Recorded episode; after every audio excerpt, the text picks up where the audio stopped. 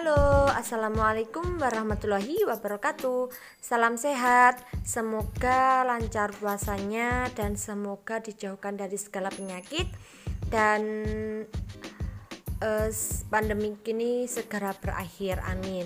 Selamat berjumpa lagi di channel kami Sinki dengan saya Cindy Nurul Nurlia Dan saya Niki Nadila kami adalah audiopreneur dari Prodi PGSD semester 2 Fakultas Keguruan Ilmu Pendidikan Universitas Islam Balitar. Entrepreneur University kampus terbaik di Blitar Raya. Nah, teman-teman, kali ini kami akan mengajak kalian memahami teori Erikson dan perkembangannya. Tapi sebelum itu, saya akan mengajak kalian untuk mengetahui biografi Erikson. Nah, teman-teman dan juga Kak Niki pasti belum mengetahui siapa sih Erikson tersebut. Mari kita bahas. Erikson hmm, terlahir dengan nama Erik Salomonsen. Dia adalah seorang pakar psikologi perkembangan dan psikoanalis berkebangsaan Jerman. Dikenal akan teori akan perkembangan psikososial manusia. Erikson terlahir sebagai seorang anak keturunan ayah Jerman dan ibu Yahudi. Akan tetapi, dia hanya mengenal ayah tirinya yang juga Yahudi. Sehingga ketika kecil ia selalu diejek karena menjadi satu-satunya anak berambut pirang dan bermata biru di antara lingkungan Yahudi. Sementara di lingkungan sekolah yang umum, dia selalu diejek sebagai seorang Yahudi. Erikson adalah nama buatannya sendiri yang ia tetapkan untuk menentukan identitas pribadinya. Nah, berikut itu tadi eh, tentang biografi Erikson. Kak Niki dan juga teman-teman sudah paham apa belum? Pasti sudah ya. Oke, Kak Cindy dan juga teman-teman.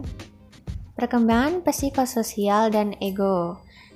Teori ini dari Erik Erikson tentang perkembangan manusia dikenal dengan istilah perkembangan psikososial.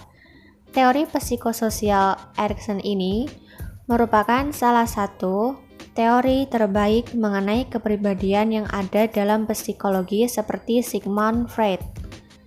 Erikson juga mempercayai bahwa kepribadian seseorang akan berkembang melalui beberapa tingkatan tertentu.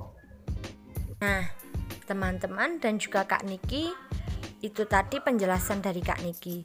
Sekarang saya akan menjelaskan isi dari perkembangan teori Erikson. Salah satunya yaitu tekun versus rasa rendah diri pada anak usia 6 sampai 12 tahun. Anak yang sudah terlibat aktif dalam interaksi sosial akan mulai mengembangkan suatu perasaan bangga terhadap identitasnya. Kemampuan akademik anak yang sudah memasuki usia sekolah akan mulai berkembang dan juga kemampuan sosialnya untuk berinteraksi di luar keluarga. Dukungan dari orang tua dan gurunya akan membangun perasaan kompeten serta percaya diri dan pencapaian sebelumnya akan memotivasi anak untuk mencapai pengalaman baru. Sebaliknya, kegagalan untuk memperoleh prestasi penting dan kurangnya dukungan dari guru dan orang tua dapat membuat anak menjadi rendah diri, merasa tidak kompeten dan tidak produktif. Selanjutnya Kak Cindy, dan juga teman-teman. Di sini orang tua juga mempunyai peranan yang penting pada anak usia 6 sampai 12 tahun ini. Di antaranya, orang tua perlu mendukung anak, menyemangati anak bahwa dia mampu menyelesaikan tugas-tugasnya. Komunikatif, tetap membuat anak produktif dalam melakukan tugas-tugas di rumah melakukan penerimaan dan menghargai usaha yang telah anak lakukan, kemudian tidak banyak mengkritik anak, supaya tidak menimbulkan anak ini menjadi kurang mempercayai diri, serta terus menggali minat yang dimiliki oleh anak. Dengan hal ini, akan terbentuk karakter anak yang rajin, ulet, dan gigih serta yakin dan percaya akan kemampuan dirinya dalam melaksanakan peran atau tugas. Teman-teman dan juga Kak Niki, perkembangan anak usia 6 sampai 12 tahun seiring dengan lingkungan anak yang lebih luas, terdapat kebutuhan anak untuk mendapatkan tempat dalam kelompok seumurannya yang ingin ia capai. Selain itu, pada usia ini anak dituntut untuk dapat merasakan bagaimana rasanya berhasil memenuhi tuntutan lingkungan. Jika anak tidak dapat meraih sukses karena merasa tidak mampu, maka anak akan mengembangkan sikap rendah diri. Anak yang berkembang sebagai anak yang rendah diri tidak akan mampu atau tidak akan pernah menyukai pelajaran atau melakukan tugas-tugas yang bersifat intelektual. Yang lebih parah lagi, anak tidak akan percaya bahwa ia mampu mengatasi masalah yang dihadapinya. Untuk itu, eh, Peran orang tua aktif dalam perkembangan anak.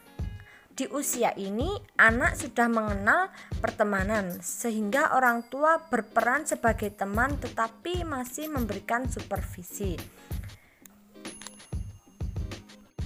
Oke, Kak Cindy dan juga teman-teman.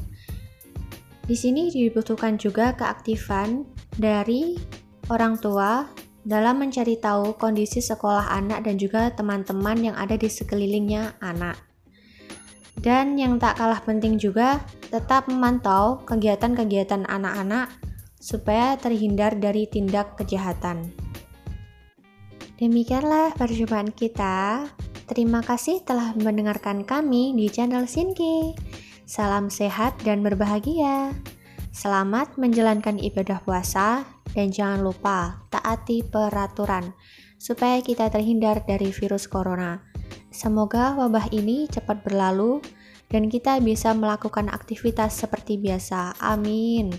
Salam entrepreneur Yunis Bablitar, kreatif, integratif, inovatif, dan energik.